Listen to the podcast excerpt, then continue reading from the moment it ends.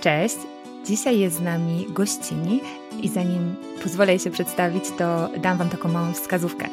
Jeżeli jesteście mamami albo jeżeli ten temat gdzieś krąży Wam po głowie, to pewnie też e, wpadłyście na takie hasło, które uwielbiam w cudzysłowie, e, które brzmi powrót do formy. Wróć do formy, jak wrócić do formy. I moja dzisiejsza gościni zajmuje się właśnie tym, żeby pomagać kobietom wrócić do formy, ale w innym tego słowa znaczeniu niż to takie najbardziej rozreklamowane i rozpowszechnione. Więc ja się strasznie cieszę, że możemy o tym pogadać. Ten temat mm, przewija się często w Waszych wiadomościach, więc oto jest e, i mogę Wam teraz już przedstawić Olę Polanowską-Lenart, a właściwie to myślę, że Ola powie o sobie więcej. Cześć Natalia, dzięki e, za zaproszenie. Mm, e, tak, cóż ja mogę powiedzieć o sobie? Jestem e, szczęśliwą mamą, żoną, fizjoterapeutką uroginekologiczną, dziewczyną, która uwielbia góry, uwielbia wolność, która, którą znajduje właśnie i w górach, i w bieganiu. Ponieważ pracuję z kobietami i staram się słuchać, bardzo słuchać tego, co do mnie mówią. I często przychodzą do mnie kobiety, które są po porodzie, e, czy to po porodzie siłami natury, czy po porodzie cięciu cesarskim i chcą wrócić jak najszybciej do aktywności i to najczęściej biegowej. Mhm. E, krąży w sieci wiele mitów dotyczących biegu po porodzie. Same nie wiedzą, kiedy i jak e, można wrócić, e, więc no, postanowiłam im pomóc, bo sama się zmagałam z tym, jak wracałam po drugiej ciąży mhm. do biegania, gdzie koleżanka mi mówiła, cztery, byłam cztery miesiące po porodzie, po cięciu cesarskim, nie, nie wolno, to jeszcze za szybko, mhm. będzie źle, więc nie ma niestety mm, takich naszych polskich wytycznych, mhm. no natomiast się pojawiły brytyjskie i postanowiłam e, coś z tym zrobić, aby ta wiedza mogła trafić do większego grona, nie tylko do grona kobiet, które trafiają do mnie do gabinetu. Ja myślę, że oczywiście dziewczyny fizjoterapeutki e, mają taką wiedzę, ale często dziewczyny nawet nie są w stanie trafić do takiej fizjoterapeutki, bo na przykład w danym mieście nie ma mhm. takiej e, osoby. Tak, tak, bo mówisz o fizjoterapeutce uroginekologicznej, prawda? Tak. E, powiedz moment może, czym się zajmuje taka fizjoterapeutka? Ja wiem, mam przynajmniej takie wrażenie, patrząc na tę moją bańkę informacyjną, że już ten zawód jest bardziej rozpoznawalny, ale wciąż czasami e, widzę, że nie każda dziewczyna sobie zdaje sprawę z tego, że taka profesja istnieje i że warto się do takiej specjalistki udać. Więc powiedz moment, czym się zajmujesz tak zawodowo? Mhm. I e, słusznie e, zaobserwowałaś, ja też mam wrażenie, że ja cały czas o tym mówię, moje koleżanki o tym mówią, ale przychodzą pacjentki, które mają jakiś deficyt wiedzy i takiej dezinformacji i często żałują, że tak późno się tak wiedziały, że istnieje ktoś taki taki jak fizjoterapeuta uroginekologiczny, czyli specjalista, który zajmuje się zdrowiem e, kobiety i e, od działań profilaktycznych po takie działania w okresie, nie wiem, pomocy w ciąży, po porodzie, czy w takim okresie okołomenopauzalnym. Oczywiście są też fizjoterapeutki, które pracują z dziećmi i z różnymi zaburzeniami mikcji czy defekacji. Natomiast mhm. ja pracuję w większości z kobietami, i to właśnie na różnych etapach ich e, życia, czyli spotykam w gabinecie e, kobiety w ciąży. Na szczęście coraz częściej właśnie mm, takie są wizyty profilaktyczne, czyli mhm. poszerza się ta e, świadomość. No ale niestety są też kobiety, które są często w wieku pomenopauzalnym i z już z objawami, gdzie terapia zachowawcza niestety no, nie będzie miała szans powodzenia. Mhm. Ja też miałam tak, że mm, bo moja pierwsza córka ma 7 lat i kiedy byłam w ciąży z nią, myślałam, że jestem świadoma, ale nie miałam pojęcia, że właśnie istnieją takie specjalistki jak ty, więc na szczęście wszystko poszło dosyć gładko, ale już przy bliźniakach właśnie wiedziałam, że warto pójść po, ale nie wiedziałam, że warto przyjść w ciąży, tak. z kolei w tę stronę. Ja mhm. powiem więcej, że ja jestem zwolenniczką za Julie Whip, za tym, żeby jednak dziewczyny przychodziły przed e, ciążą, bo możemy poznać e, ich e, baseline, to znaczy możemy poznać, jak wygląda ich ciało przed ciążą i jak funkcjonuje. Jakby, bo przecież nie jesteśmy takie same, tak? E, różnimy się między mhm. sobą i e, jeżeli, nie wiem, popatrzymy na przednią ścianę brzucha, na mięśnie proste brzucha, to też się różnimy, czyli możemy zaobserwować, jak się zachowuje kresa, jak wygląda siła mięśni Mhm. w namiednicy, bo może jest tak, że jakby nie mamy żadnych objawów, ale to dno miednicy nie funkcjonuje do końca tak, jak powinno, więc już możemy e, Mhm. wprowadzić pewne działania przed ciążą, bo wiadomo, że jak ja badałam dziewczynę w ciąży e, perwaginą, to ta siła mięśniowa może być osłabiona, no bo już są działania, powiększa się macica, jest większe obciążenie na struktury dna miednicy i ta siła może spadać. I ja nie wiem, czy to są działania ciąży, czy rzeczywiście już tak było też przed Mhm. ciążą. Więc warto, zawsze e, mówię kobietom, że warto przed ciążą, a jeżeli są w ciąży, to też w ciąży. Nawet jeżeli się nic nie dzieje, Mhm. to może się więcej dowiedzieć o swoim ciele, może się przygotować do ciąży i może też świadomie zadbać o siebie w okresie połogu.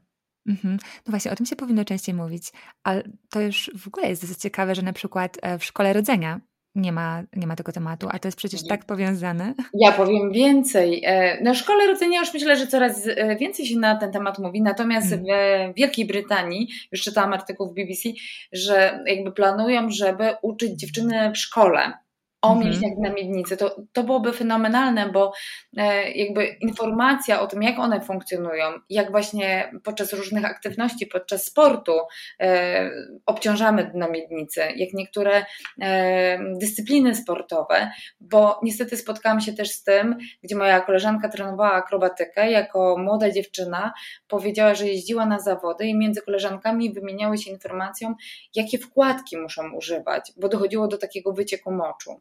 Więc to Mm. jest nierodzące dziewczyny, tak młodo, Mhm. ponieważ były takie duże przeciążenia. Wiemy, że gimnastyka jest jednym z tych e, aktywności high impact, więc obciąża mocno dno miednicy, więc warto byłoby i żeby oczywiście trenerzy byli dobrze wyedukowani, Mhm. bo mamy coraz większą reprezentację kobiet w sporcie. Widzimy to też na e, i- Igrzyskach Olimpijskich i kobiety są coraz bardziej świadome i chętne do tego, aby tą aktywność e, sportową e, prowadzić, więc powinniśmy. A niestety też nasze dno miednicy jest tak zbudowane, że może ulec pewnym zaburzeniom, no bo jest inaczej utkane. To wszyscy i trenerzy, i myślę lekarze powinni być bardzo wyczuleni w tym kierunku i jeszcze dodatkowo edukować. Mhm. Okej, super, ja się z tym totalnie zgadzam. E, I to te wszystkie pojęcia, które już tutaj poruszyłaś, czyli e, mięśnie dna miednicy i też w sumie chyba już o tym wspomniałyśmy, ale mięśnie brzucha, rozstęp mięśni brzucha, to Mhm. będzie coś, co chciałabym poruszyć i coś, co właśnie miałam na myśli, mówiąc o powrocie do formy, bo często powrót do formy kojarzy się z powrotem do wagi.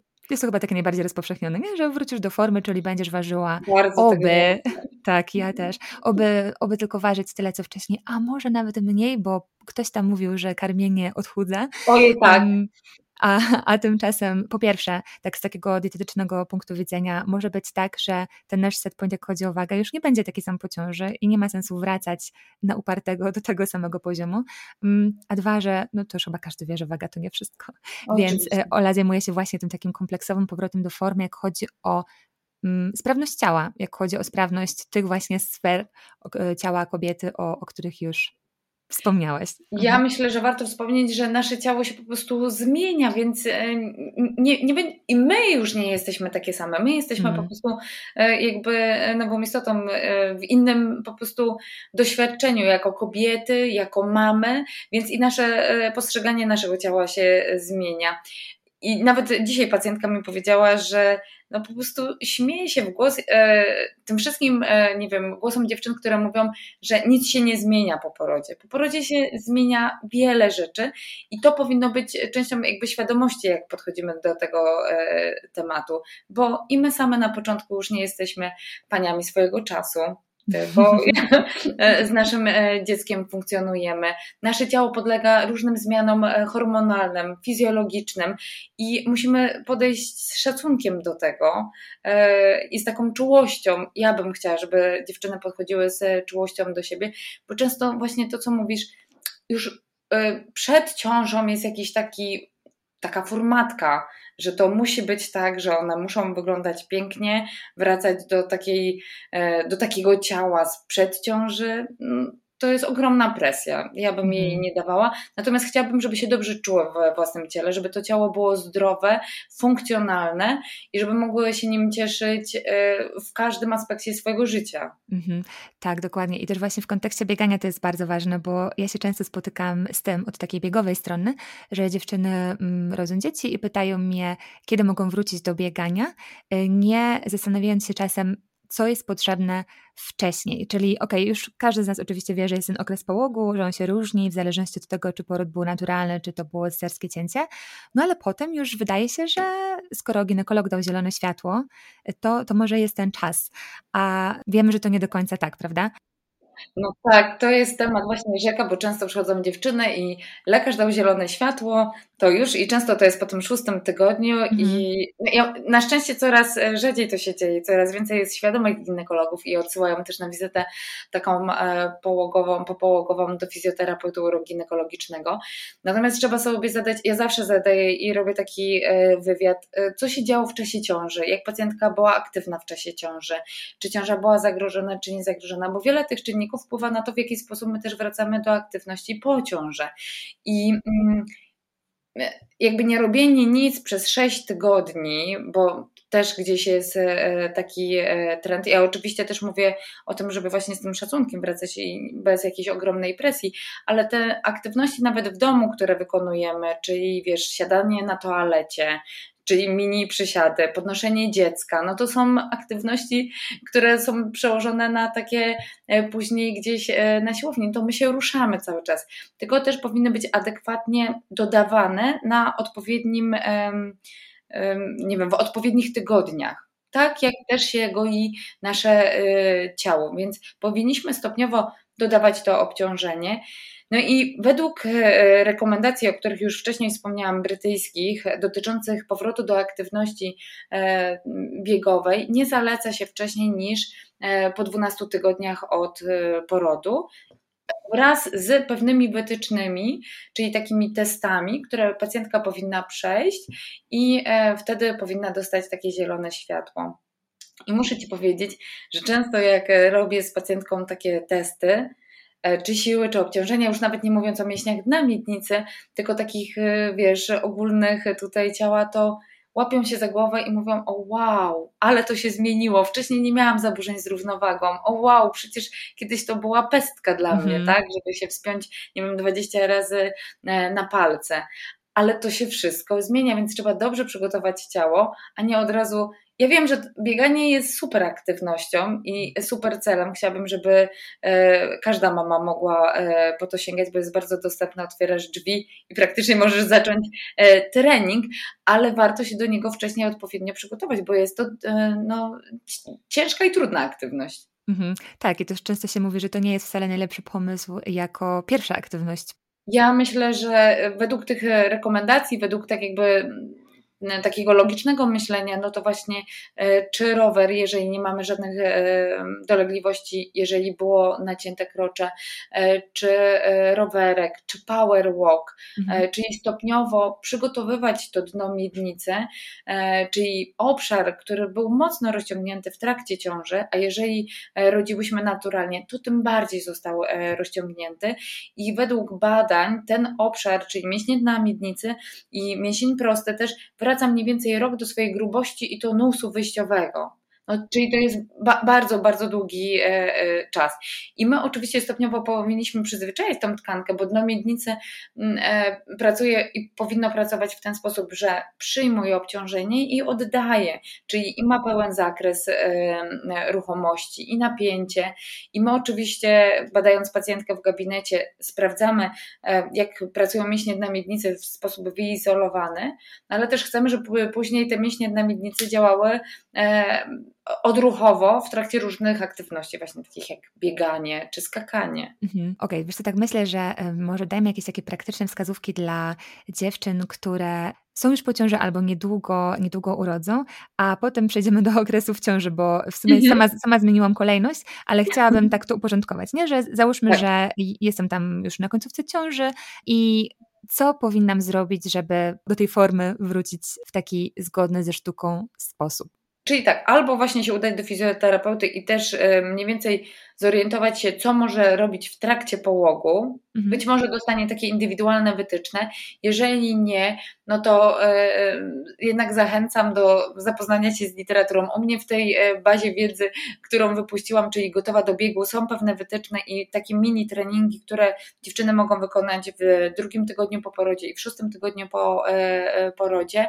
Są też wytyczne dla specjalistów, gdzie jest taka tabelka i gdzie jest pokazane, co w którym tygodniu możemy robić, czyli na pewno spacery i taka profilaktyka, w jaki sposób, e, wiesz, e, podnosimy się z łóżka, w jaki sposób dźwigamy dziecko, chociażby w jaki sposób karmimy, bo to są e, często długie minuty, jak nie godziny, mhm. i pozycja, w której spędzamy ten czas, jest bardzo istotna, bo jeżeli będziemy Każda dziewczyna na początku jest taka wyprostowana, wiesz, siedzi i ma poduszek e, pięć, a później się zwija jak literka C i mocno i obciąża dno miednicy i te przednie ściana brzucha, te rozciągnięte powłoki brzuszne też nie pracują w optymalny sposób, więc może na przykład możemy e, karmić na leżąc na boku, tak? Mhm. I to są już takie małe tipy, które mogą dziewczynę wprowadzić i mogą po prostu dać dobry czas, żeby ta tkanka się dobrze regenerowała. Mhm. Czyli po prostu nie przeszkadzać. Więc ja bym na pewno e, o tym wspomniała. Natomiast później stopniowo e, udać, jeżeli wszystko jest ok, to może się udać do fizjoterapeuty w 6 tygodni po porodzie. Mhm. Jeżeli potrzebuje, ja zawsze mówię dziewczynom, że jeżeli czuję, no bo też żeby nie miała takiej presji. Jeżeli będzie się czuła na siłach, to zapraszam ją do gabinetu wcześniej. Jeżeli cokolwiek się będzie działo, e, typu, mm, nie wiem, wysiłkowe nietrzymanie moczu po e, porodzie, czy e, nietrzymanie stolca, no to na pewno od razu nie czekać mhm. według starej szkoły, że no to tak musi być. Tak, mhm. to, okay. to nie, nie, nie. Właśnie zaczęłaś mówić o tych wskazówkach, które mówią, że coś tak. może jest nie tak. Czy jest coś jeszcze?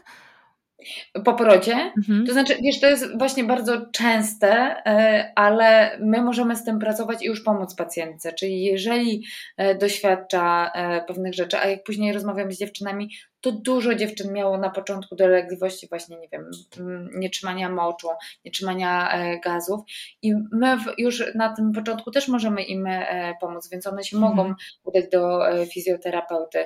Ból, oczywiście taki ból krocza, który jest podyktowany tym, że był intensywny poród, ale on się powinien zmniejszać. Jeżeli on nadal trwa, jest na takim samym poziomie, no to może warto się udać e, do fizjoterapeuty i po prostu nie cierpieć. Mhm. A jest coś takiego charakterystycznego dla porodu cesarskim cięciem, co powinno być sprawdzane właśnie przez fizjoterapeutę? No wiesz, to na pewno blizna. Z blizną też się odpowiednio pracuje zgodnie z zależnością jakby czasu gojenia się tkanki. Mhm. Natomiast to, co mogę na pewno powiedzieć kobietom, to żeby jak się tylko dobrze czują, od razu były pionizowane i trzymały mhm. się prosto, e, starały się oddychać e, przeponą, Mhm. Tak, żeby już był taki masaż wewnętrzny e, tych e, narządów, bo często one się bardzo obawiają, nie chcą się prostować, są w takim zgięciu, mhm. jest im później trudno się e, wyprostować. Czyli znowu wstawanie przez bok, karmienie, jeżeli tylko mogą w leżeniu na boku, bo też nie będą uciskały tej rany to, co zawsze mówię, jeżeli mogą, e, to niech pamiętają o bieliźnie, która nie będzie uciskała e, tego obszaru, bo mimo wszystko czasami niektóre dziewczyny się fenomenalnie goją, szybko zakładają e, sexy bieliznę. I miałam taką pacjentkę, która przyszła w 4 tygodnie po cięciu cesarskim w koronkowej bieliźnie i miała no, duży problem, bo zrobił jej się obrzeg wokół tej blizny po cięciu, więc spokojnie 6 tygodni ta rana się goi, dochodzi do siebie. Oczywiście zaburzenie czucia może być bardzo długo, E, natomiast żebyśmy pamiętały, żeby właśnie nosić takie ubrania, które nie będą uciskały e, tego obszaru. Okej, okay. a jeszcze a propos tego, co może być powiedzmy nie tak. Mam wrażenie, że tak w moim świadku mm, temat mhm. rozstępu mięśni brzucha jest taki teraz bardzo na tapecie i powiedz jak to jest, bo na pewno jest to indywidualne, ale mam takie poczucie, że już dużo dziewczyn wie jak sprawdzić, jaki ten rozstęp jest i pytanie, czy mhm. to jest coś, czym od razu trzeba by właśnie biec do fizjoterapeuty, czy może on się będzie zmieniał z czasem, i lepiej jest odczekać?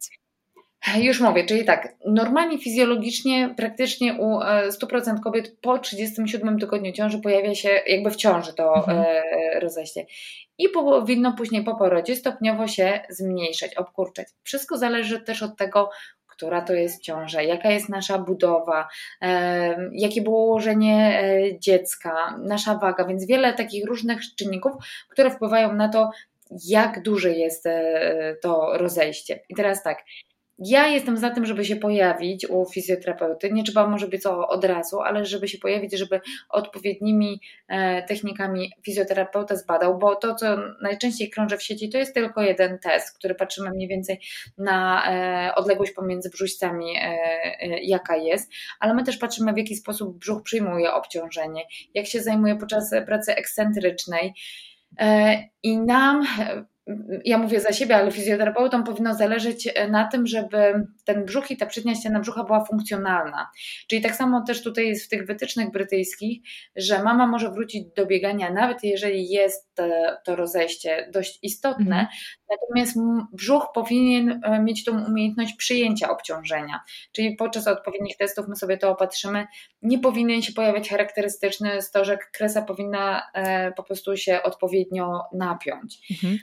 Więc no, jeżeli tam jest duże rozejście, wiesz, że ja czasami dziewczynom badam i tam mi wpada cała e, ręka, no to na pewno jest do pracy z fizjoterapeutą, ale jeżeli jest to e, niewielkie, to ja bym chciała, żeby dziewczyny się nie fiksowały na dystansie, mhm. tylko jeszcze na tym, jak to e, funkcjonuje. I trzeba sobie głośno też powiedzieć, że nie każdy brzuszek, który kobiety widzą po porodzie, jest problemem rozejścia mięśnia prostego e, brzucha. Czasami jest to tak, że zmienia się cała nasza e, też e, flora w jelitach. My inaczej funkcjonujemy. Po prostu też ta przednia ściana brzucha jest rozciągnięta, tak jak wspomniałam, ten mięsień prosty, jego tonus naprawdę długo wraca do siebie i na początku powinniśmy po prostu poprzez odpowiednie ćwiczenia wprowadzać napięcie, mhm. czyli w izometrii, odpowiednio dawkować i później wprowadzać kolejne, bo my chcemy pacjentkę dość szybko doprowadzić do takiej funkcjonalności. E, no tak jak wspomniałam, ona być może ma już w domu też e, e, starsze dziecko, więc będzie się ruszała, z nim komunikowała. Starać się jak najmniej zakazywać, a dawać jak najwięcej takiej mm, wolności też ruchowej, tylko w bezpieczny sposób. Mhm, jasne. Jeszcze może trochę przetłumaczmy te pojęcia, które rzuciłaś, bo myślę, że nie mhm. każdy dziewczyna może wiedzieć. Jak chodzi o rozstęp mięśni, mięśni prostych, to w sumie wspomniałaś, tak, że w momencie, kiedy jakaś część, czy, czy palce się zatapiają w brzuchu, tak, Czyli już, już mówię, to trzeba sobie wyobrazić tak, że nasz brzuch, jeżeli jesteśmy kobietami, które jeszcze nigdy, albo spojrzymy na nasze dzieci, to pomiędzy prawą a lewą stroną naszego brzucha jest przestrzeń, która się nazywa kresa biała i ona mhm. łączy prawą i lewą stronę naszego e, brzucha. I ona e, jakby jest po to, że jeżeli właśnie się najemy albo mamy jakieś wzdęcia, to on się lekko poszerza, tak? Mm. Zwiększa się e, objętość. W czasie ciąży mięsień prosty się rozciąga E, w płaszczyźnie, ale później już nie daje rady, brzuch jest tak duży, mhm. że zaczyna się rozchodzić e, na boki. E, I tą kresę możemy przyrównać do jak każdego, no nie wiem, materiału. Ileś czasu jest możliwe jego rozciągnięcie, mhm. tak? Pewnym momencie też dochodzi do zerwania, no to wtedy mówimy też o przepuklinie kresy białej. Ja często, jeżeli jest niepewny. I jeżeli dziewczyny też nie mają USG w gabinecie, no to wysyłam do specjalisty, który robi po prostu USG powłok brzusznych i mm. ocenia sobie to rozejście. I taki specjalista ocenia i w pozycji leżącej, i w stojącej. E, no i duża większość kobiet z nas ma e, przepuklinę pępkową. Jeżeli ona jest niewielka, to nic się z nią nie robi, obserwuje się e, ją. Natomiast jeżeli już jest taka przepuklina, przepuklina kresy białej, gdzie, no nie wiem, jest ryzyko, że te jelita gdzieś zaczną wychodzić, no to to, to raczej trzeba się poddać operacji. Ale mhm. też nie chciałabym tak jednoznacznie wydawać. To Jasne. trzeba po prostu najlepiej pracować w teamie terapeutycznym, gdzie jest lekarz i właśnie fizjoterapeuta ja się tak staram pracować i między sobą się e, kontaktujemy. A z przepukliną, czy jest coś takiego, co możemy zauważyć same? Jesteśmy w stanie zauważyć tak naocznie, że chyba coś jest no, na rzeczy? Najczęściej właśnie, jak już jest taka duża przepuklina, to najczęściej dziewczyny mówią, że tak muszą, jakby czują, że coś zaczyna wychodzić, tak? Wiesz, mm. że mhm. mają, miałam taką pacjentkę, którą już to była jej trzecia ciąża, w czasie tej e, trzeciej ciąży już nam wyszła ta przepukina, cały czas jakby pracowałyśmy, tejpowałyśmy się, no i później też tylko doprowadziłyśmy, wiedziałyśmy już, że będzie operacja, więc tak się starałyśmy pracować, doprowadzić ją do momentu, e, gdzie no, będzie miała opiekę dla e, swojej córeczki, no bo też później po takiej operacji nie możemy dźwigać, więc mm -hmm. to, się trzeba zabezpieczyć. To nie jest takie łatwe i niejednokrotnie dziewczyny no, odsuwają decyzję o, e, operacji, tak? Mhm. Więc mm, jasne, rozumiem. Myślę, że odpowiednia fizjoterapia może naprawdę dużo zdziałać. My możemy też na poziomie właśnie już e, bycia w ciąży wiele zdziałać, czyli tym, jak my stoimy, jak my funkcjonujemy. Często dziewczyny zbyt dużo y, przebywają w takiej pozycji, ja bym to powiedziała, takiego zawieszenia, czyli Wiadome mi jest, że w czasie ciąży przesuwa się nam środek ciężkości ciała, powiększa się brzuch, więcej ciężaru przechodzi na e, drobne kości stopy i często pojawiają się haluksy, tak, mm. wypłaszcza się nam łuk e, poprzeczny, ale na tyle, ile możemy, postarajmy się przenieść ciężar ciała na e, pięty. I tym samym my też e, jakby zwiększymy sobie, e, zwiększymy, no nie wiem, przestrzeń, tą tylną e, na plecach, bo często jest tak, że dziewczyny myślą, że jak się tak wepną do przodu, to dziecko będzie miało więcej miejsca, no ale tym samym sobie skracamy tył, a jest zbyt duże napięcie tej przedniej ściany brzucha. Aha. Czyli też nie powinniśmy, nie wiem, będąc w ciąży, stawać tak na chóra, tylko przez bok, żeby mhm. jak najmniej naprężać te mięśnie proste brzucha. Okay. To często dziewczyny, które korzystają z wanny mają problem, e, jak wstają. Totalnie. To są rzeczy. Tak, to, dokładnie tak. E, my się przynieśliśmy tutaj e, do Stanów, kiedy byłam w połowie ciąży z bliźniakami i tutaj, tutaj mieliśmy tylko wanny. To Amerykanie kochają z jakiegoś powodu wanny mhm. i to był cały projekt. Raz, że mhm. wejść, ale potem, żeby wyjść. Tak, tak. Więc ja tłumaczę, no już bliźniacza ciąża to wiesz, w ogóle wyczyn, żeby e, sobie radzić, ale ja mówię, żeby tak najlepiej na bok się, e, e, wiesz, jakoś e, e, ułożyć. Tak się przekulać. Tak. Ale o tych piętach to nie słyszałam, widzisz.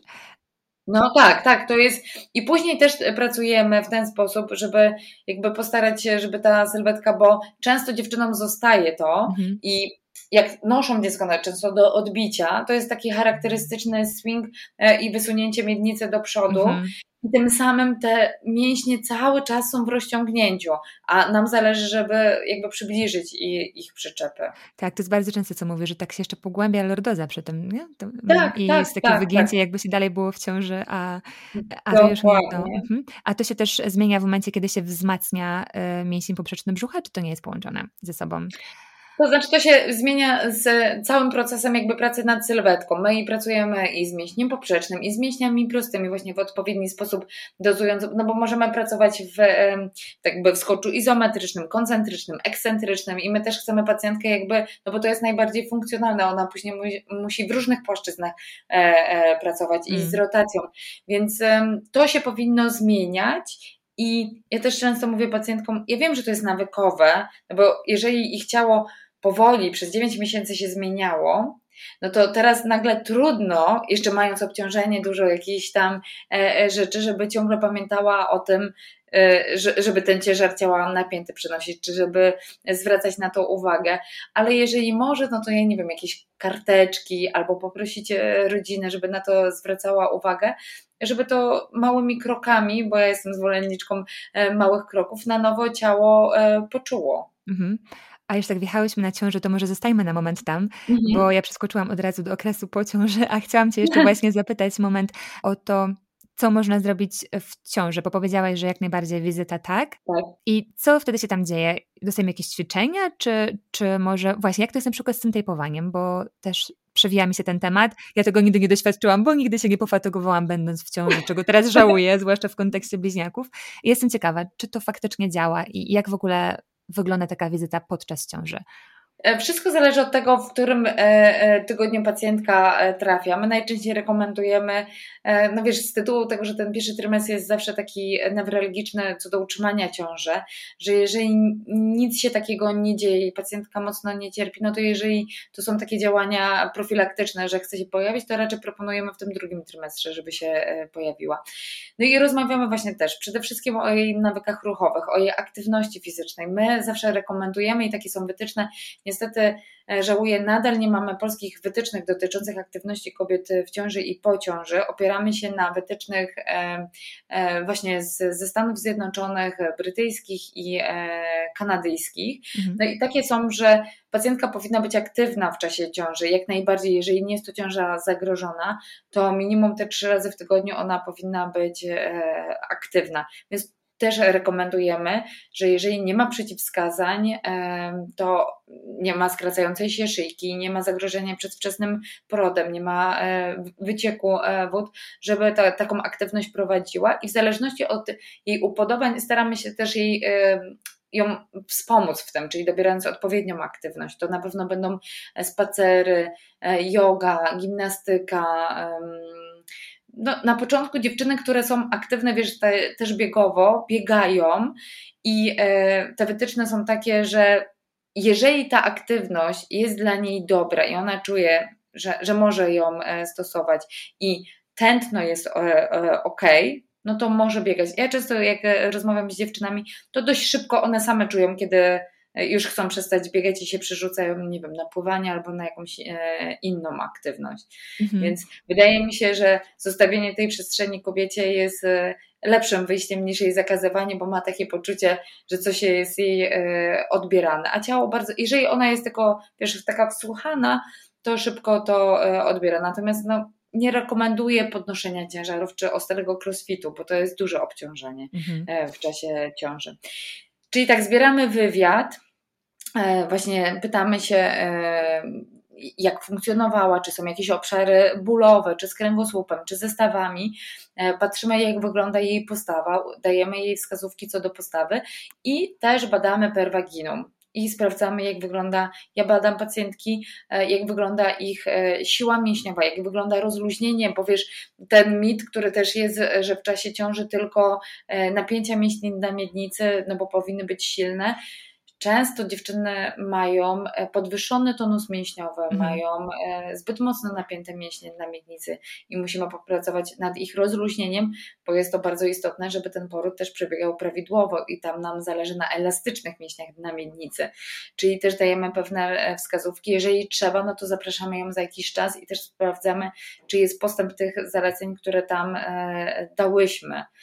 Czyli pomagamy też jakby w doborze ćwiczeń, które w zależności od tego, jak pacjentka chce rodzić, bo teraz coraz częściej na szczęście dziewczyny chcą rodzić e, aktywnie, czyli w tych różnych pozycjach wertykalnych, no to też dobrać i przypomnieć jej o tym, że jej ciało musi mieć odpowiednie zakresy ruchomości, bo oprócz tego, że dziewczyny chcą tak robić, mhm. rodzić, to ja często mówię, że one muszą być też wydolne do tego, mhm. bo leżąc na kanapie, no to nic z tego, to, tego, tego się nie osiągnie. Często nawet dziewczyny aktywne mają problem z tym, żeby do końca wytrwać w tych e, pozycjach, bo same się przyznają, że gdzieś już nie miały sił, bo na przykład długo trwał poród. Mhm, jasne. A to, co powiedziałaś, też jest dla mnie nowością, że czasami jest tak, że te mięśnie na miednicy są zbyt napięte i trzeba je rozluźniać, bo ja mam jeszcze w głowie właśnie z, z tej mojej pierwszej ciąży, że docierały do mnie raczej takie komunikaty, żeby wzmacniać, że wzmacnia mięśnie na miednicy, wzmacnia, wzmacnia. A tymczasem no ja się znowu odwołam do tego, że wiesz, one powinny być funkcjonalne. Jak sobie myślimy o każdym innym mięśniu i jak pracujemy nim, to wiemy, że musimy po biegu się rozciągać, tak? Że, żeby odpowiednia była ruchomość. I tak samo z mięśniami na miednicy. Żeby one dobrze funkcjonowały, one powinny e, funkcjonować w pełnym swoim zakresie. A często, jeżeli one są zbyt mocno napięte i my damy jeszcze do tego, no to jeszcze pracuj więcej, mhm. no to często one pracują właśnie w nieodpowiednim zakresie, więc musimy najpierw popracować nad rozluźnieniem, a później dopiero odpowiednio, bo często te mięśnie są oczywiście osłabione, e, żebyśmy też nie kojarzyły, że jak one są w podwyższonym tonusie, to one są silne. Mhm. To nieprawda, często okay. one są słabe, bo właśnie nie potrafią pracować w pełnym zakresie e, ruchomości. Więc to jest istotne, dajemy odpowiednie e, ćwiczenia. Mhm. To też nie jest powiedziane tak, że jeżeli dziewczyna ma e, mocny, jakby podwyższony tonus mięśniowy, to nie może ćwiczyć mięśni na miednicy. Może tylko po prostu w odpowiedni sposób. No i stąd dlatego mówię, zachęcam, żeby mm, pojawić się w gabinecie przed ciążą, bo być może już coś takiego miało miejsce przed ciążą, a nie wszystkie narzędzia możemy zaaplikować kobiecie w ciąży albo zaimplementować. Tak? Część rzeczy możemy, ale wiadomo, że no, ciąża jest takim stanem wyjątkowym, więc nie będziemy, nie wiem, elektrostymulacji dawać. Czasami biofeedback też jest ciężki, bo na przykład sonda się wysuwa, no różnie, więc zachęcam, żeby się pojawić wcześniej. Mhm. No, słuchając Ciebie, mimo że to już jest za mną, to naprawdę myślę, że warto, warto, bo jest dużo niuansów, które mogą gdzieś tam umknąć. Zwłaszcza, że to są mięśnie, wiesz, schowane i my, mhm. no wiesz, wiesz, jak jest w Polsce. Dużo kobiet jest w ogóle odciętych od tego obszaru. I tak myślę po prostu dlatego, że było wychowanych, e, e, czy, czy to religia, czy, czy pewien jakby, nie wiem, mentalność tak wpłynęła, ale wiele dziewczyn jest odciętych od tego ciała. I jak e, w trakcie badania proszę, żeby, nie wiem, wciągnęły cewkę moczową, albo napięły, napięły zwieracz odbytu, albo pochyliły głowę łechtaczki, to tak ale że co, że co ja mam ja, zrobić? Jak ja mam to zrobić, tak? No to im mówię, opisuję i mhm. dopiero okej. Okay. Często w ogóle siebie nie oglądały, więc to też daje taką i e, ja chylę czoło, jestem bardzo wdzięczna, że wiele kobiet się pojawia u mnie w gabinecie i mówi mi, że jest to ich pierwszy raz, że, e, że się przełamywały, mm. że to dla nich e, dużo znaczy. Jestem im wdzięczna za zaufanie, za to, że się pojawiły w gabinecie czy w gabinetach moich koleżanek, bo naprawdę może im to e, pomóc. Często dziewczyny też na przykład cierpią podczas współżycia, mm. mają bolesne współżycie, czy to są zaburzenia typu pochwica w lubowodynie, czy inne, czy inne zaburzenia i gdzieś same są z tym, tak? No a my możemy im w tym pomóc oczywiście. Muszą mało, to znaczy to też możemy robić, wiesz, małymi krokami. To nie jest powiedziane, że od razu na pierwszej wizycie musimy e, wykonywać badanie perwaginą. Nie, my możemy tylko porozmawiać, tak? To hmm. tak jak powiedziałam, ja jestem zwolenniczką małych e, e kroków. I to jest ważne, bo tak jak mówisz, czasami to może być krępujące, a nie. nikt nie mówi, że już na samym początku, podczas pierwszej wizyty trzeba robić tego typu badanie. Także. Oczywiście, że tak. Mhm, super, mam nadzieję, że przy okazji tej rozmowy zachęcimy chociaż jedną dziewczynę, żeby się przyjrzała temu tematowi. A jeszcze powiedz mi, jak to jest z tym tejpowaniem brzucha? Czy to faktycznie coś daje? No i muszę Ci powiedzieć, że w ogóle tejpowanie, jak ja słyszę o te dziewczyny, to mówią, wow, ja nie wierzyłam, że te takie plasterki to coś dają. Mm. I, e, w czasie ciąży i tejpuję plecy i e, brzuch jakby od dołu, żeby pomóc e, ten ciężar brzucha troszkę zmniejszyć i tejpuję rozejście i są tejpowane dziewczyny, jeżeli mają obrzęki, więc różnie, no i później też tejpowanie brzucha po ciąży.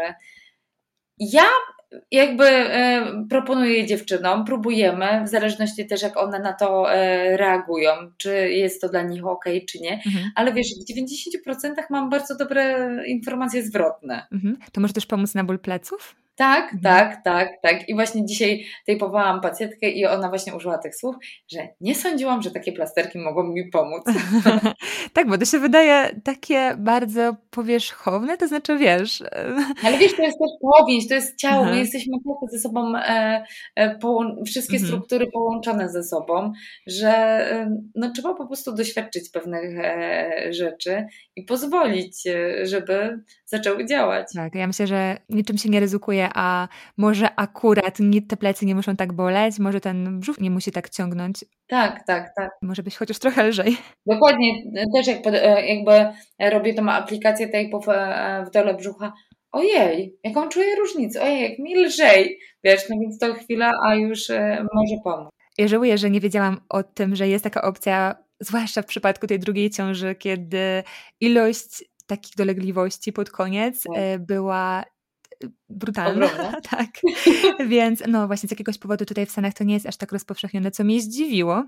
Um, a proszę. Tak mi się wydaje, że, że coraz więcej. Ja przynajmniej podglądam e, też w Stanach e, fizjoterapeutki mhm. i wydawało mi się, że stoi to całkiem na niezłym poziomie, ale nie. Tak. Myślę, że jak zwykle w Stanach to zależy gdzie um, i na pewno są Aha. super specjaliści, ale u mnie ja się naprawdę, Ci, długo no, szukałam, dlatego w końcu znalazłam Ciebie, bo e, o dziwo, naprawdę przebiegłam się do trzech czy czterech osób i e, też pytałam różnych dziewczyn tutaj stąd, e, lokalnych i bardzo wiele z nich powiedziało, że tak po prostu musi być. Jak pytałam na przykład o rozejście mm. mięśni brzucha i to mi się wydało tak bardzo przykre, bo już, już wiedziałam, tak, że przecież tak być nie musi, a okazuje się, tak. że naprawdę wiele dziewczyn było przekonanych, że, że to jest ok. I też pytałam mojego ginekologa i prosiłam go o skierowanie do fizjoterapeuty, a on powiedział, że powinnam się cieszyć, bo tak naprawdę to i tak jest nieźle, więc to był dla mnie szok, e, taki off-topic. W każdym razie e, cieszę się, że już teraz dziewczyny mają większą świadomość i że też możemy ten temat poruszyć, żeby tę świadomość jeszcze, jeszcze zwiększać. Tak. Mm, ja myślę, że trzeba to głośno powiedzieć, że tak nie musi być, czyli hmm. ty nie musisz doświadczać wysiłkowego nietrzymania, ty nie musisz doświadczać, nie wiem, nietrzymania kału czy innych rzeczy i tak, takich, to po prostu można nad tym pracować. Często niestety tak gdzieś lekarze jeszcze e, e, mówią, ale naprawdę powinno się odsyłać do specjalisty. E, jeżeli lekarz sobie nie umie z tym poradzić, nie wie, no to właśnie odsyłać do fizjoterapeuty ginekologicznego, bo naprawdę możemy pomóc e, dziewczynom. A dziewczyny, które trafiają najczęściej, nie wiem, z wysiłkowym nietrzymaniem moczu, to jest 7 e, lat od pierwszych objawów. Wiesz, to jest mm. ogrom czasu. Ja nie wiem, czemu, czy to jest kwestia takiego, os, nie wiem, oswojenia tematu, czy, czy co, że że nie wiem, dochodzi do wycieku i że to tak y, musi być, albo no nie wiem, może te reklamy tych wkładek, no wcale tak nie musi być. To, że mhm. to jest tak częste, nie, nie oznacza, że to ma z nami zostać. Można z tym pracować. Mm, myślę, że raz, że to jest krępujące dla wielu osób, więc czasami nie macie świadomości, że, mhm. że to nie jest jednak norma, więc, no więc, więc, to, a poza tym też takie przyzwyczajenie, nie? Na zasadzie, że a, mam i żyję. Też sobie jestem w stanie wyobrazić, że czasami to jest tak, że... No, moja mama miała, moja babcia miała. W rzecz, w tę rzecz. Dokładnie. Dobra, Ola, to teraz przeskoczyć. Minęła ciąża, minął nawet połóg, e, byłam u fizjoterapeutki, no i teraz bieganie, tak? Chodzi mi po głowie to mhm. bieganie i Powiedziałaś o testach, które warto zrobić. Jakby poza Zielonym Światem od ginekologa są jeszcze pewne testy, które warto wykonać. E, możesz chwilę coś powiedzieć o nich? Tak, czyli wykonujemy testy, tak jak ja w gabinecie, no to właśnie mięśni dna miednicy. Mhm. One są rekomendowane do wykonania po 12 tygodniu e, od porodu. I w zależności też oczywiście, czy kobieta doświadcza, no nie wiem, wysiłkowego nietrzymania moczu, czy doświadcza e, jakichś zaburzeń statyki dna miednicy, czyli na przykład to mo mogło być w wyniku e, porodu, że no nie wiem, jest obniżenie przedniej ściany e, pochwy, tylnej ściany pochwy, ale też badamy jej siłę e, mięśni dna miednicy i wytrzymałość. Mhm. No i jakby są takie zalecenia, że e, rekomendujemy, żeby pacjentka wróciła do biegania, jeżeli ta siła jest 3 w skali mhm. do 5.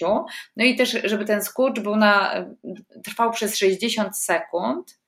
E, taki na submaksymalnym napięciu są też e, maksymalne napięcia badane.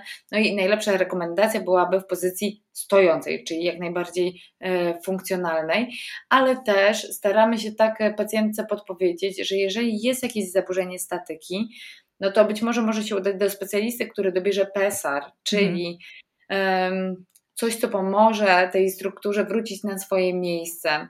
Jeżeli dziewczyny nie wiedzą, no to są to takie silikonowe, w zależności od, można dobrać, czy to są takie kostki, e, czy okręgi. Mm, no nie wiem jak to e, nazwać, e, pomoc, którą aplikujemy do pochwy mhm. i w zależności od tego, jak duże mamy zaburzenie statyki, czy to będzie tylko na aktywność, Przepraszam, to moje dzieci tam nie Może być. Czy tylko na samą aktywność, czy przez cały dzień będą e, nosiły. Mhm. Więc to też może pacjentka wrócić, ale jeżeli będzie zabezpieczone to e, dno miednicy. Mhm. Patrzymy też na tą przednią ścianę brzucha i tak jak wspomniałam wcześniej, pacjentka może wrócić do biegania, nawet jeżeli istnieje rozejście, ale jeżeli jej przednia ściana brzucha umie przyjąć e, obciążenie. Mhm.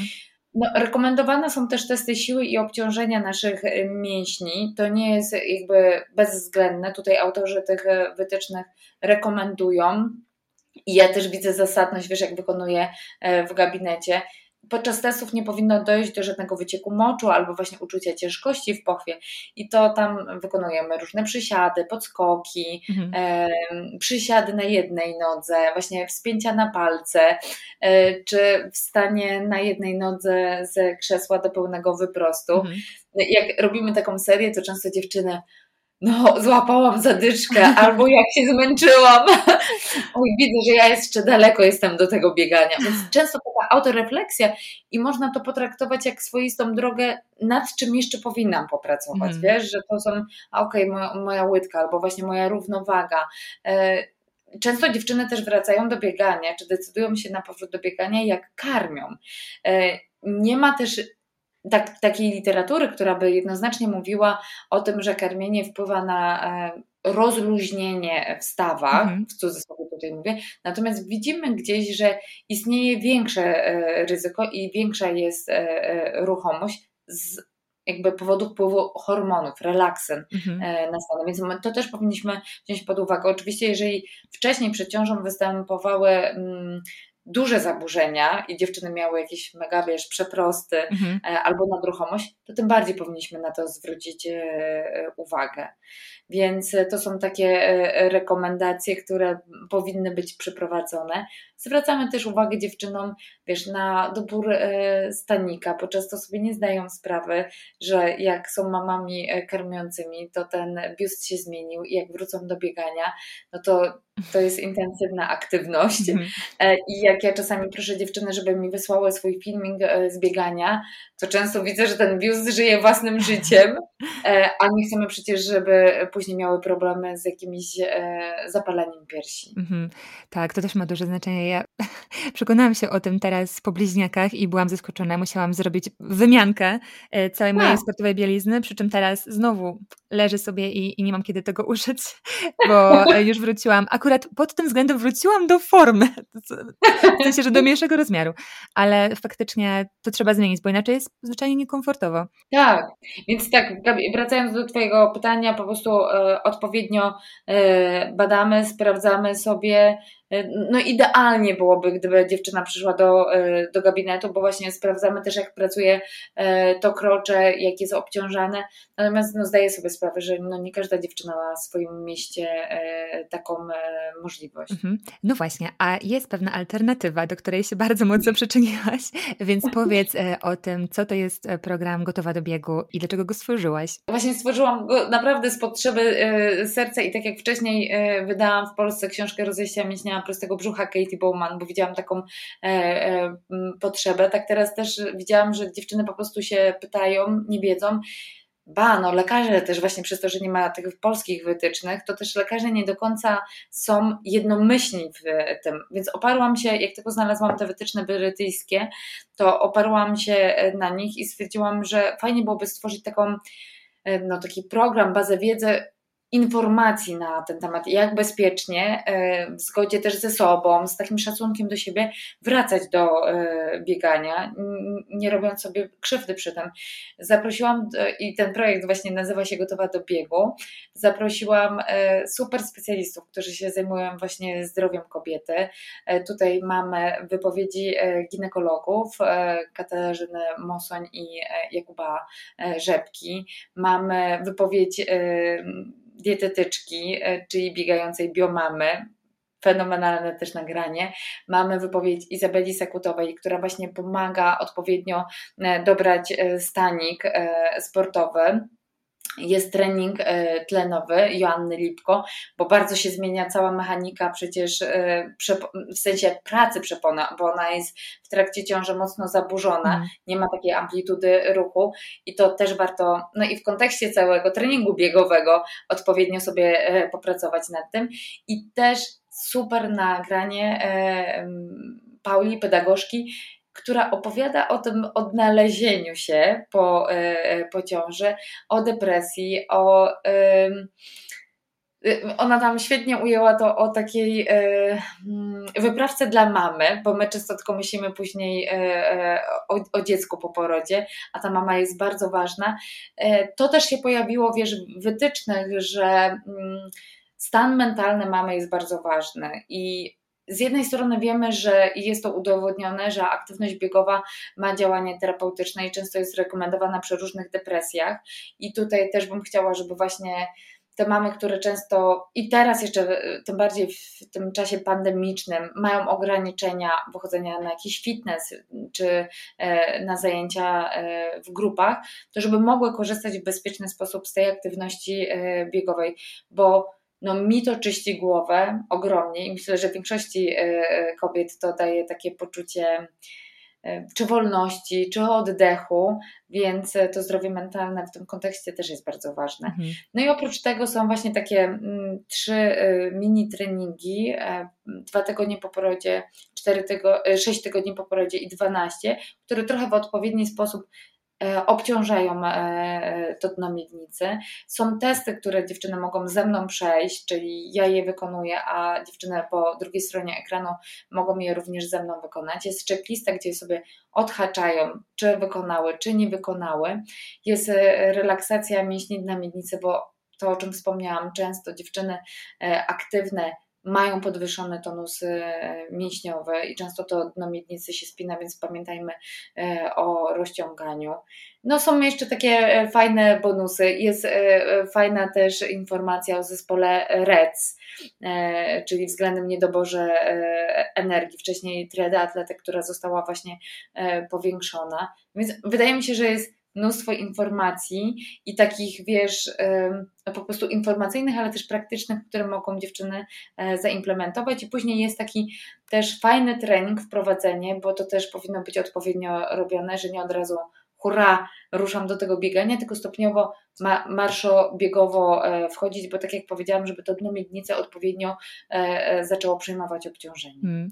Ja miałam przyjemność zobaczyć ten kurs od wnętrza, od środka i jestem tak zadowolona, że wymyśliłaś, żeby to stworzyć, dlatego że Jestem już obok tego tematu od paru lat i zawsze miałam problem, kiedy dziewczyny pytały mnie, jak to ułożyć. Po prostu nie było czegoś takiego, więc bardzo się cieszę, że to stworzyłaś, bo to naprawdę jest coś holistycznego. Ujęłaś ten temat zupełnie w 100%, więc e, z przyjemnością będę teraz o tym programie mówiła i gorąco Wam polecam dziewczyny, jeżeli czujecie, że te wszystkie informacje Was przerastają, że tylko jest dużo, a jednocześnie, że bardzo Wam zależy na powrocie do biegania, bo ja mam takie poczucie, że e, bieganie jest w stanie pomóc właśnie na baby blues, e, pomóc na nawet jakieś stadia depresji poporodowej, która też teraz jest już bardziej normalizowana i co nie świadczy w żaden sposób o nas i o tym, że jesteśmy, już teraz w cudzysłowie, złymi mamami, tylko o tym, że po prostu zmienia się dużo w naszym życiu i że mamy dużo wyzwań. Y, I to, to bieganie ma ważną rolę. Ono jest w stanie tutaj pomóc. Oczywiście nie zastąpi pomocy psychologicznej, jeżeli ona jest potrzebna, ale ma wiele innych funkcji niż to, że pozwala poprawić kondycję. Są całe wow. jeszcze te bonusy takie natury psychologicznej. A powiedz, Ola, skąd Cię w ogóle się wzięło bieganie? No, moja e, droga biegowa to jest taka zawiła. E, mój tato biegał maratony i to, co pamiętam ze wczesnego dzieciństwa, to jakiś straszny, wiesz, bieg, gdzie ja byłam umordowana i biegłam z tatą i w ogóle mi to nie sprawiało żadnej frajdy i radości. Ale to nie był maraton. Nie, nie, szczęście nie. Ale pamiętam właśnie, to było fajne, że ja pamiętam, że my jeździłyśmy z mamą i on tam e, biegał, po pracy też zawsze biegał. Mhm. Później taki bieg, którego też oczywiście e, źle wspominam, czyli bieg e, tutaj taki egzaminacyjny na studia na AWF-ie. E, no nie byłam. I dopiero, wiesz, jak wyjechałam do Stanów, jak mhm. byłam w Stanach, e, to stwierdziłam, tam miałyśmy taką małą e, siłownię, biegałyśmy i mówię, muszę mieć jakiś cel. Ja tam byłam rok i uczyłam się i pracowałam w Kaiser Hospital. Mówię, dobra, no to może półmaraton. I to był półmaraton w San Francisco. I to było coś fenomenalnego. Mhm. Bardzo mi się to spodobało. No i później już to bieganie zostało i, i, i było i przed pierwszą ciążą. W pierwszej ciąży chciałam biegać, ale miałam zagrożoną ciążę. W drugiej ciąży już nie biegałam, ale bardzo tak fajnie e, wracałam, pomimo, że moje koleżanki fizjoterapeutki uważały, że zbyt wcześnie w tym czwartym miesiącu, ale optymalnie wracałam powolutku. E, a teraz no, staram się jak mogę e, bo, bo jeszcze biegałam z wózkiem, z, właśnie z Hanią. E, a teraz widzę, że już dziewczyny też łapią bakcyla, więc to jest e, super, bo czasami i one chcą ze mną wyjść pobiegać. Czasami sama właśnie potrzebuję przeczyszczenia głowy. Ja lubię biegać rano, dla mnie to jest po prostu idealny początek dnia. To wszystko brzmi bardzo znajomo, pomijając to poranne bieganie, bo z tym to umiem różnić. Jeszcze jak tak zahaczyłaś o to bieganie z wózkiem, to tylko powiem e, przy okazji, bo moje blogowanie zaczęło się od tematu biegania z wózkiem, więc tak? gdzieś tam jeszcze jestem w internecie, jak, jak wpiszesz bieganie z wózkiem czy wózek do biegania, to ja jestem jako pierwsza, więc teraz, mimo że już tym się nie zajmuję, to często trafiają do mnie jakieś pytania i mm, może tylko jeszcze tutaj wspomnę, że bieganie z wózkiem to też jest taka forma biegania, do której się dobrze przygotować i ono jest obciążające, tak, bo nie dość, że my biegniemy, tak. to jeszcze pchamy przed sobą ten wózek, co wpływa na technikę e, i może nie być najlepszym pomysłem na sam start, więc okay. E, dobrze jest po pierwsze zrobić te wszystkie rzeczy, o których wspomniałaś, czyli się sprawdzić, wzmocnić, e, ale też może na początku niekoniecznie biegać, tylko właśnie spacerować, zrobić gibki marsz, potem zrobić sobie te marszobiegi, niech to nie będzie od razu bieganie, bieganie, bo też widzę, że wiele dziewczyn podchodzi do tego tak bardzo ambitnie, na zasadzie, że skoro bieganie z wózkiem, to wiesz. Ja już z perspektywy czasu widzę, raz robiłam takie doświadczenie i potrzebowałam dziewczyny, która e, jest tuż przed porodem, bo chciałam ją właśnie poprowadzić całym tym systemem, e, który jest tutaj rekomendowany e, i ona się zgodziła, ale powiedziałam, wiesz, no ale tak bym chciała, żebyś nie wracała, a tu mm, biegająca dziewczyna, żebyś nie wracała do biegania przed tym 12 tygodniem po porodzie ona zrobiła taką minę i mówi, mmm, to może być ciężkie, że wiesz, y, y, czułam, że ma taki drive do tego biegania, że będzie chciała szybko wrócić. Mm.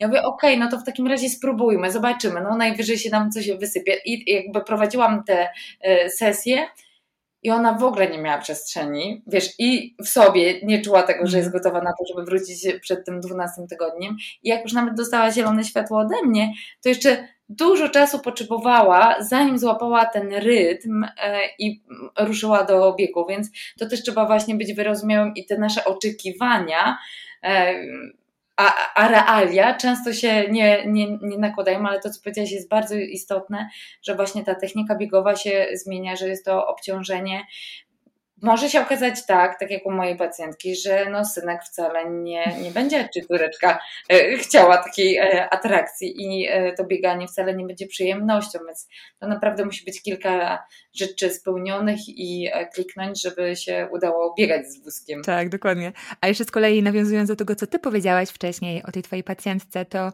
czasami właśnie trzeba się przekonać na własnym przykładzie, bo ja też jakby sprawdziłam wszystko, miałam już takie poczucie, że się wzmocniłam, tam trochę poćwiczyłam i poszłam pobiegać i e, odbiegłam sobie tam parę kilometrów od domu. To nie był mój pierwszy bieg po ciąży, to muszę to podkreślić. Odbiegłam parę kilometrów od domu i potem y, musiałam wracać piechotą, że musiałam mm. wracać marszem, bo czułam, że jest nie tak. Czułam, że, że mm. jestem taka jakby luźna i to nie było przyjemne.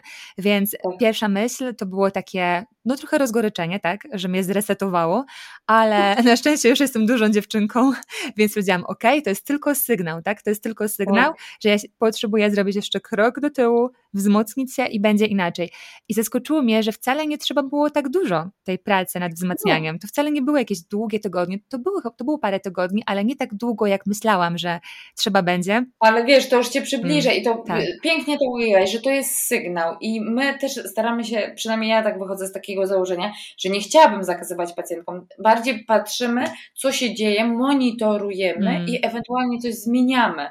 No bo to jest coś, co przynosi dziewczynom naprawdę radość, więc jak dziewczyny się mnie pytają, oczywiście no, są odpowiednie e, ramy czasowe, e, i, i proszę, żeby, nie wiem, nie biegały, ale nie chcę im tego zabrać w ogóle, czy dać im zamian, nie wiem, pilates albo inną aktywność, której nie lubią, no bo umówmy się, ja teraz, tak jak Ci wspomniałam e, przed jakby naszym nagraniem, że w poniedziałek miałam e, kontuzję i przez 6 tygodni jestem teraz wykluczona e, z biegania, to tak sobie mówię, no dobra, jestem bliżej moich pacjentek, po prostu.